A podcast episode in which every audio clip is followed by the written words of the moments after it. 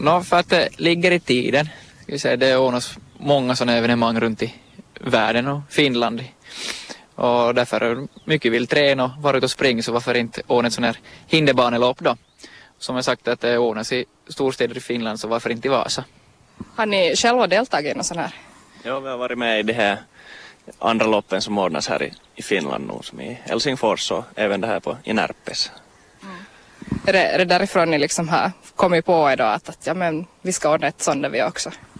Ja, vi har ju sett det här att andra, andra städer tar gärna in stora aktörer och gör, men att vi tänkte att varför inte skapa ett helt eget här i Vasa då.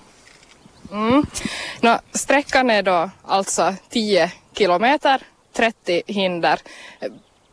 10 kilometer blir eller blir det längre när det är ett 30 hinder på vägen? Nej, det blir det förstås, men om man eh, väljer att eh, skippa ett hinder så får man en liten straffrunda in i skogen, så då kan det förstås bli längre. Men inte är det ungefär 10 kilometer har vi räknat att det blir med hindren nog. Okej, så man måste alltså inte ta sig över de här hindren om inte man vill? Nej, om inte man vill så får man nog skip-hindra och så gör man en liten, liten länk in i skogen bredvid eller så gör man några armhävningar eller någonting. Just bara för att få ett litet sådär straff som man i alla fall känns som att man har gjort någonting där vid det hindret. Nå, alltså då som sagt 30 hinder. Hurdana hinder är det frågan om? No, det kommer att vara en blandning mellan att, att klättra och, och med både händer och fötter och kråla under lite och krypa och ner i vattnet och allt möjligt. Och förstås, vi är ju här vid fina Öberget så det är ju lite bergsbestigning då samtidigt. Just det, man ska upp, ta sig upp för den nätta lilla backen här bakom oss. Absolut. Det blir nog där mitt i, mitt i loppet så måste man bestiga Öberget då. Och det kommer just att ske. Vi har som det här upplägget att både start och målområde vid, vid samma ställe. Så här hit kommer ju förstås mycket publik så vi hoppas ju då att, att alla ger, ger järnet om man ska bestiga Öberget. Ja, det kan ju vara lite pinsamt om inte man kommer sig upp när det står en massa och tittar på kanske. No, det kan ju vara, men nu, nu förstås, det har vi gjort så att det är mycket publik här så, så vill de ge fan anamma att nu ska jag nog gå upp. Så nu här tänker jag i alla fall inte avbryta. Ja. ja, men det är ju bra. Eh, Vattenhinder pratar ni också om. Vad, vad, vad är det för typ av hinder? No, vi har här när, nära till berget så fi- finns det några sådana här bassänger med vatten i och äh, här kommer vi till ha lite flytande ringar som folk ska då ta sig över. Även kanske vada en bit i de här bassängerna. Så inte några no, långa sim, simdistanser utan bara lite, lite extra hinder Ja. i vattnet även. Att man, man går i vattnet i alla fall. Inte, inte, inte att man behöver börja ta riktiga simtag. Nå, eh, spontant så där personligen så känner jag kanske att jag inte skulle riktigt fixa ett sånt här lopp. 10 kilometer är ju ändå ganska långt i mina ögon. Eh, För vem är det här loppet? No, vi har nog sagt att det är för allihop. Att inte man, man väljer ju förstås om man vill springa och, och man får gärna man får gå. Alltså ingenting och så om, om man inte klarar av ett hinder så får man förstås hoppa över hindret. Men man har, vi säger, vi har, man har oändligt med, med försök i alla fall till att ta sig över ett hinder.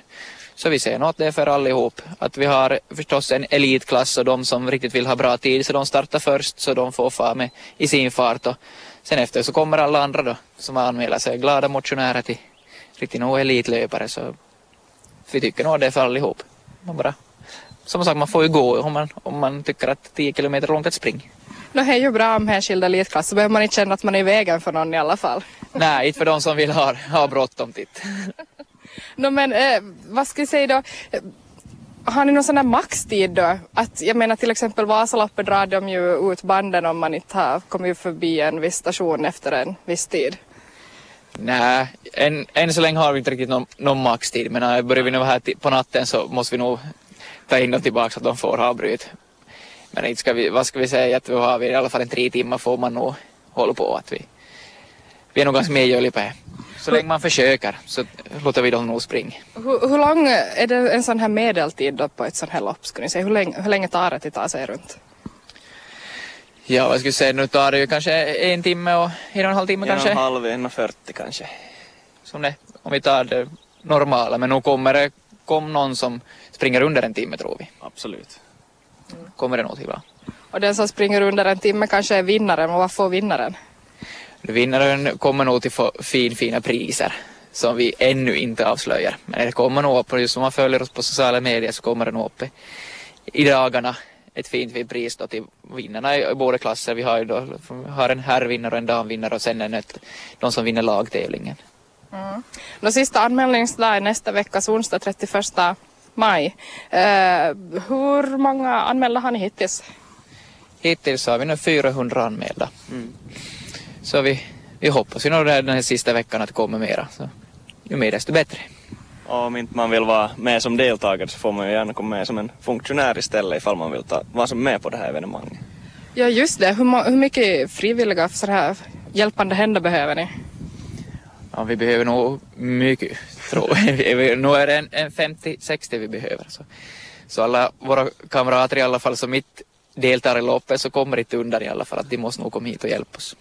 Just det. Och hur mycket är det på förhand då? Jag tänker de här hindren, 30 hinder och om, om är mycket grejer man ska över och sådär. Det är kanske mycket till, till bygg och, och fixa.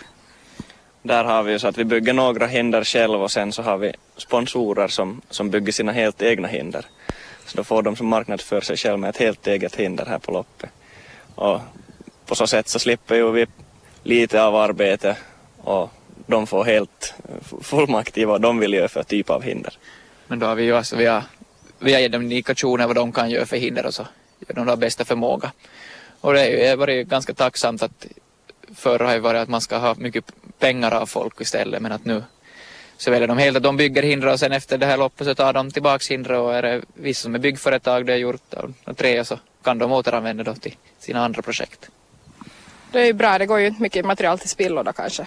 Nej, vi kan se vi är lite miljövänliga då. Yes, no, men eh, det verkar som det är stort intresse för det här. Var det också så att man kunde anmäla sig som ett lag?